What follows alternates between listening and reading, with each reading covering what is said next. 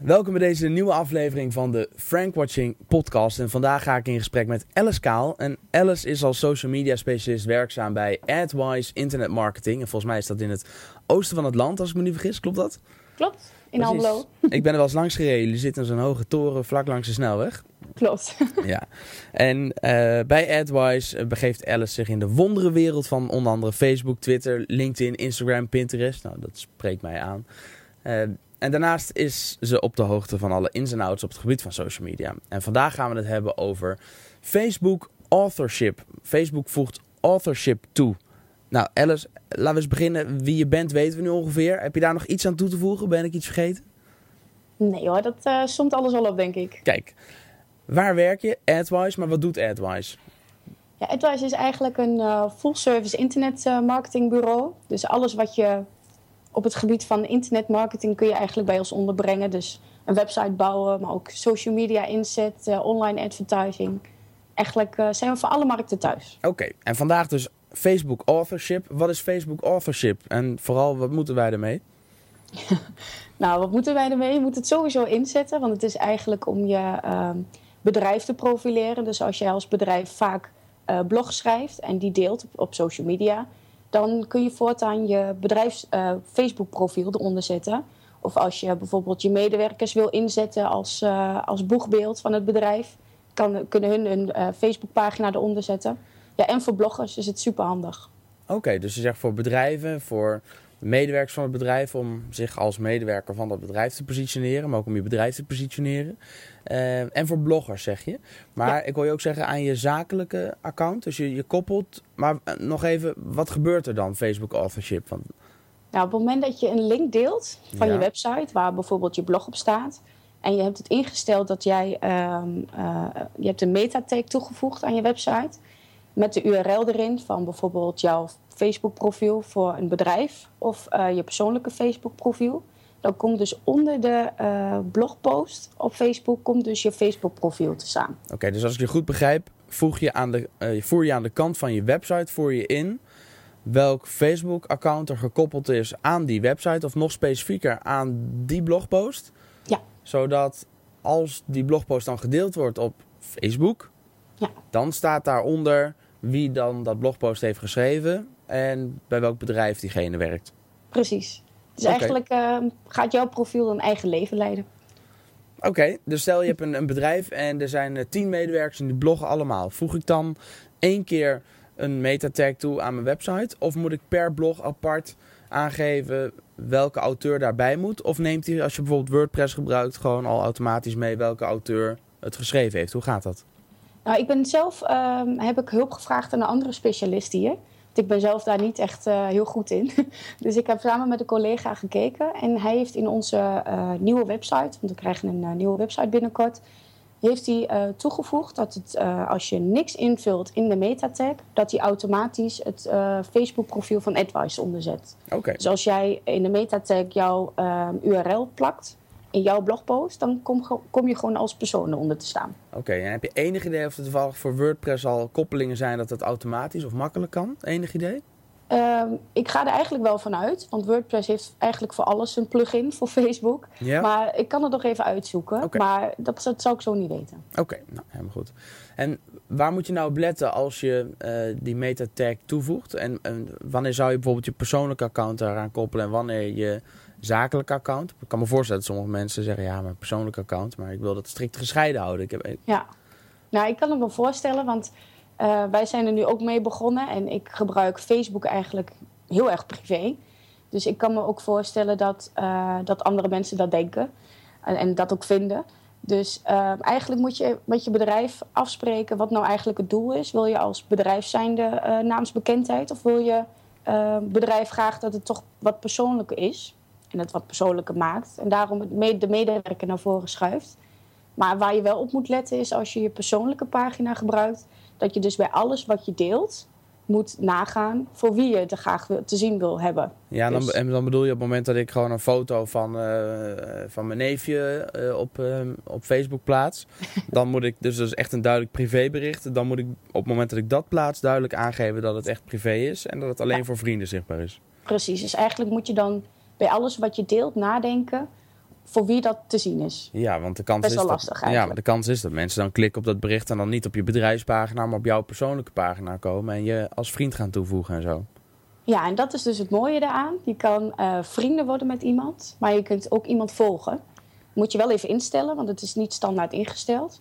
Maar je kunt dus vrienden worden, heb je zelf in hand, want die moet je goedkeuren. En eh, mensen die je niet kennen, maar je graag willen volgen omdat je interessante blog post, die kunnen Ja. je dan volgen. Oké, en komen die blogposts dan ook automatisch op mijn Facebookpagina terecht? Ja, op je tijdlijn. Oké, dus op het moment dat ik een blogpost publiceer en die metatag is toegevoegd, dan neemt Facebook ook automatisch dat blogpost mee als zeg maar publicatie op Ja. mijn eigen tijdlijn. Dus als ik wat publiceer Ja. en jij volgt mij, dan zodra ik dan in het vervolg meer blog eh, op mijn tijdlijn ga zetten, dan komt die bij jou ook in de tijdlijn. Ja, oké, maar ga je dan, ga je dan dat, die blogpost zelf delen op je tijdlijn? Of is het zo dat op het moment dat je op je website een blogpost plaatst en die metatag is aan je website toegevoegd, dat hij hem dan ook al automatisch op je Facebook tijdlijn deelt? Oké, nee, niet. dat niet. Je, hebt wel echt, eh, je moet hem wel via je- de link van je blog moet je hem wel eh, op Ja, eh. Facebook delen. Oké, dus je hebt dus nog wel één hand, handmatige actie vereist. Ja, dat wel. Hey, stel nou, hè, nou hebben wij hier heb ik een collega, Tom. En Tom heeft een, een persoonlijke Facebookpagina. Ehm, en Tom die werkt bij ons. En nou wil ik graag dat Tom ehm, gaat publiceren. Hè, dat hij Mhm. blogpost gaat schrijven en die gewoon op de website plaatst. Maar Tom vindt het niet nodig dat iedereen dan automatisch op zijn persoonlijk profiel komt. Nou, kan ik, nou begrijp ik dat ik dan gewoon de bedrijfspagina van, van eh, onze Facebook fanpage kan koppelen ehm, aan de blogpost met een metatag. Maar nu wil ik wel graag dat daar wel bij staat dat Tom het geplaatst heeft. Ja. Wat dan? Je, het is eigenlijk een hele simpele oplossing. Je kunt eh, dan je profiel, je eigen profiel gewoon eh, onder de radar houden. Maar als je een persona aanmaakt, dus eigenlijk een extra profiel voor Tom, dan kun je toch dat profiel kun je koppelen aan, het, eh, aan de autotag. dus dan heb je toch een, ja. eh, een persoon. Ja, dus eigenlijk, ga je dan, eigenlijk doe je dan net alsof dat je Facebook-account is. Maar stiekem heb je er een andere voor je vrienden en familie. Precies. Dus zakelijk en privé hou je wel gescheiden. Ja, oké, is een oplossing. Hey, hoe kan ik nou zorgen dat, je had het al over een meta-tag, maar waar, Mhm. waar moeten we die meta-tag toevoegen? Kun je, heb, je- kun je er iets over zeggen? Ja, die moet in de head worden toegevoegd van je website. Oké, gewoon overall, in Ja. de head, dus oké, helder. En dan heb je het ook automatisch, als je dan een- weer een nieuwe blog post op je website, dan heb je hem ook automatisch er staan. Top. Hoe kan ik nou ehm, eh, eh, zorgen dat alle berichten die we tot nu toe al hebben geplaatst, dat die ook die koppeling krijgen? Want het, kan, het gebeurt wel eens dat mensen ook blogposts van een jaar geleden bijvoorbeeld weer delen. Werkt Ja. het met terugwerkende kracht? Nou, daar is wat eh gedub over. De een zegt dan wel, de ander van niet. Oké, Ehm, bij ons jij? Is het, ja, bij ons is het dus zo dat je ehm, sinds dat de invoering ervan, dus volgens mij 4 juni, ja. ehm, vanaf dan werkt het. Maar ik zag ook een, eh, een, een blogpost die ehm, van maart was en waar ook de autotag in stond. Dus het is een beetje dubieus hoe dat nou in elkaar zit. Wanneer heeft Facebook dit geïntroduceerd? In begin juni. Begin juni, oké. dus je hebt ook een post van maart voorbij zien komen waar het al Ja. in zat. Dus wat dat betreft zou je, ja, zou je kunnen zeggen dat het in sommige gevallen ook met terugwerkende kracht werkt. Ja, Oké, precies. dus- maar dus- hoe dat dan precies zit, dat is nog eh, heel eh, mysterieus Oké, allemaal. Dus tips voor de luisteraars, gewoon toevoegen en kijken als je Ja, kijken iets deelt uit eh, van een jaar geleden of het er dan bij staat of niet. Ja, en wat misschien dan ook handig is om een goede toevoeging te geven, is om ehm, de debugger te gebruiken. Soms kan het zijn dat je, die, dat je bijvoorbeeld al een blogpost hebt gedeeld en daar zit dan allemaal informatie achter. Ja. En als je die dan deelt nog een keer, dan Ja. kan het zijn dat hij gewoon de oude informatie erbij zet. Ja. En als je hem debugt, dan hopelijk staat de autotag er dan, eh Ja, en, voor de, en voor de luisteraars die zeggen, hè, de debugger, eh, als je die even debugt, wat is de debugger en waar vind ik die en wat, wat heb ik eraan? Ehm, ja, dit is een, een link die kan ik je niet zo geven, want het is heel ingewikkeld. Maar als je even googelt debugger Facebook, Ja, dan, eh, dan kom je er heel gemakkelijk. oké. En als je daar een, een linkje in zet, dan zorgt hij ervoor dat alles weer opnieuw wordt, eh, op nul wordt gezet, zeg maar, alle informatie. En, en een linkje naar een specifieke blogpost bedoel Ja. je dan? Oké, top. Helder. En nou heb je het op een gegeven moment eh, ook ge- gehad over open graph tags. In een, hè, we hebben van tevoren al wat contact gehad. Die open graph tags, wat hebben die hiermee te maken? Nou, Facebook heeft dat geïntroduceerd, ehm, al best wel lang geleden, om eigenlijk jouw website ehm, alles wat je deelt vanaf je website op Facebook, om dat op een mooie manier eruit te laten zien. Dus als jij iets deelt, een mooie blog, en je Ja. hebt toevallig ook een andere eh, afbeelding staan dan die je eigenlijk zou willen delen, kan, kon het eerder zomaar zijn dat hij de andere afbeelding pakt of een andere titel, of dat het er heel raar uit komt te zien. En daarom heeft Facebook dat geïntroduceerd om, ehm, ja, om het wat eigenlijk zo te delen zoals jij het ook bedoeld had. Oké, En AutoTag is daar eigenlijk eentje van. oké. dus gewoon een onderdeel van die Open Graph. Ja. Oké. Nog, nog één keer. Ik, ik kan me voorstellen, ik ben een luisteraar en ik luister naar deze Frank Watching podcast. En ik hoor Alice Kaal zeggen, je, je moet met Facebook authorship. Maar wat voegt het nou echt toe? Hè, wat, wa- waarom moet een luisteraar nou wel of niet hiermee aan de slag? Of het, of het op zijn allerminst in elk geval overwegen? Ehm, ik vind zelf een, het een hele goede ontwikkeling. Omdat ehm, ja, het is eigenlijk bedoeld voor journalisten. Omdat Facebook eigenlijk, ehm, net zoals Twitter, meer activiteit naar de actualiteiten wil en het nieuws. Want dat mist eigenlijk nog een beetje op Facebook. En daarom wil die Twitter voorbij. Maar ehm, ja, bloggers en bedrijven zoals wij die veel bloggen, die kunnen daar heel goed van profiteren. Gewoon om je eigen naamsbekendheid te vergroten. En elke keer als een post gedeeld wordt, blijft toch je naam eronder staan. Dus ja, om een beetje autoriteit uit te stralen en toonaangevend te zijn, is dit een hele goede oplossing. Oké, je werkt gewoon aan je online positionering, aan je credibility. Oké, goed. Heb je verder nog tips en adviezen ten aanzien van de Facebook authorship mogelijkheden? Ja, eigenlijk voor bedrijven die nog niet zijn begonnen met bloggen, zou ik er zeker mee beginnen. Ja. Eh, en dit is eigenlijk een goede, goede stap, of de stap in de goede richting. Ja. Omdat je ehm, ja, eigenlijk op een gratis manier je eigen eh, naam kunt eh, naamsbekendheid kunt vergroten. Ja, ik wil er nog wel even op inhaken, want ik kom nog wel eens bij trainingen en dergelijke mensen tegen die zeggen: Ja, bloggen kost allemaal zoveel tijd. Daar ga ik allemaal niet aan beginnen. Hoor. Ja, sta mij bij, help, die mens, help mij even die mensen te overtuigen. Waarom moeten ze nou toch echt gaan bloggen? Nou, eigenlijk je bedrijf eh, is niet alleen om klanten te helpen, maar je kunt ook klanten op een andere manier helpen. Dus eh, ze wijzer maken, kennis, expertise delen.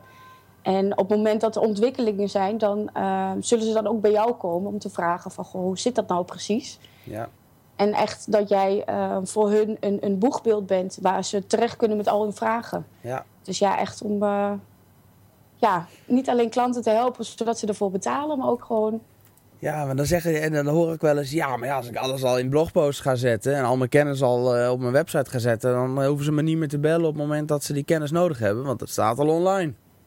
Snap ik. Maar bedrijven zijn toch altijd beter in het uitvoeren dan, eh, dan klanten. En als ze dan eh, hulp nodig hebben, dan komen ze sowieso naar jou. En niet, dan gaan ze niet naar een ander bedrijf. Oké. Alice, als mensen jou nou willen volgen of met jou in contact willen treden, welke kanalen zijn daar dan het meest geschikt voor? Nou, ik ben zelf te volgen op Twitter en op Facebook. Oké, en op Twitter ben je at? Kaal. Nou, zo moeilijk is het niet. hey, ten slotte natuurlijk drie vragen die ik standaard stel in elke podcast. Wat is je favoriete managementboek of marketingboek? Mag jij kiezen? Geen één. Ik moet eerlijk zeggen, ik leer eh, het liefst in de praktijk eigenlijk. ja, Oké. hele goede vraag. Hey, je hebt ge- geen één managementboek of marketingboek waarbij je zegt, dat Nee. vind ik echt een topper. Nee, nee ik, eh, ik leer het liefst eigenlijk in de praktijk Heb van je, mijn heb je een collega's. favoriete website dan misschien? En, eh, eh, je hoeft geen Frankwatching te antwoorden. Maar heb je, hè, je mag alles zeggen verder. Maar zijn er websites waarvan jij zegt, nou dat zijn wel websites waar ik nog wel eens naar terug ga. Of waar ik kennis vandaan haal. Of waar ik blij van word. Ja, ik heb wel, op het moment dat ik mijn Google Chrome open, Ja. dan heb ik iets ingesteld dat het automatisch alles, alles opent. Ja? En daar staat eh Frankwatching tussen, marketing facts, e-mails. Dus dat zijn wel websites waar ik mij graag mijn kennis vandaan haal. Ja. Dus eh, dat is, we, die gebruik ik meer dan een marketingboek. Oké, goed. Nou, de tweede eh, vraag dan. Ik hoop dat je die wel hebt. Wat is je favoriete succesquote? Zo'n quote die bij wijze van spreken bij jullie op kantoor zo aan de muur zou kunnen hangen. Waar je dan elke dag weer opnieuw inspiratie uit kan halen. Nou, ik zeg eigenlijk tegen bedrijven eh, die bij mij een training komen volgen. ehm, die zijn altijd heel bang om fouten te maken. En eh, wat moet ik dan op Facebook zetten? En, eh, ja, een beetje, een beetje bangig. En eigenlijk zeg ik dan altijd: de grootste fout die je kan maken is om gewoon niet aanwezig te zijn op social media. Dus alles wat je daarna doet, dan eh, valt het nog wel mee. Want waarom is het de grootste fout om niet eh, aanwezig te zijn? Nou, eigenlijk omdat uh, uh, mensen gaan steeds meer social media gebruiken om uh, iets te weten te komen over het bedrijf. Dus wordt steeds meer een concurrent van Google, eh, de zoekmachine. Ja. Dus als je dan niet aanwezig bent op social media, ja, dan hebben ze er ook gelijk wat minder vertrouwen in. Ja, het is bijna hetzelfde als uh, twintig jaar geleden zeggen visitekaartjes. Nee, die heb ik niet.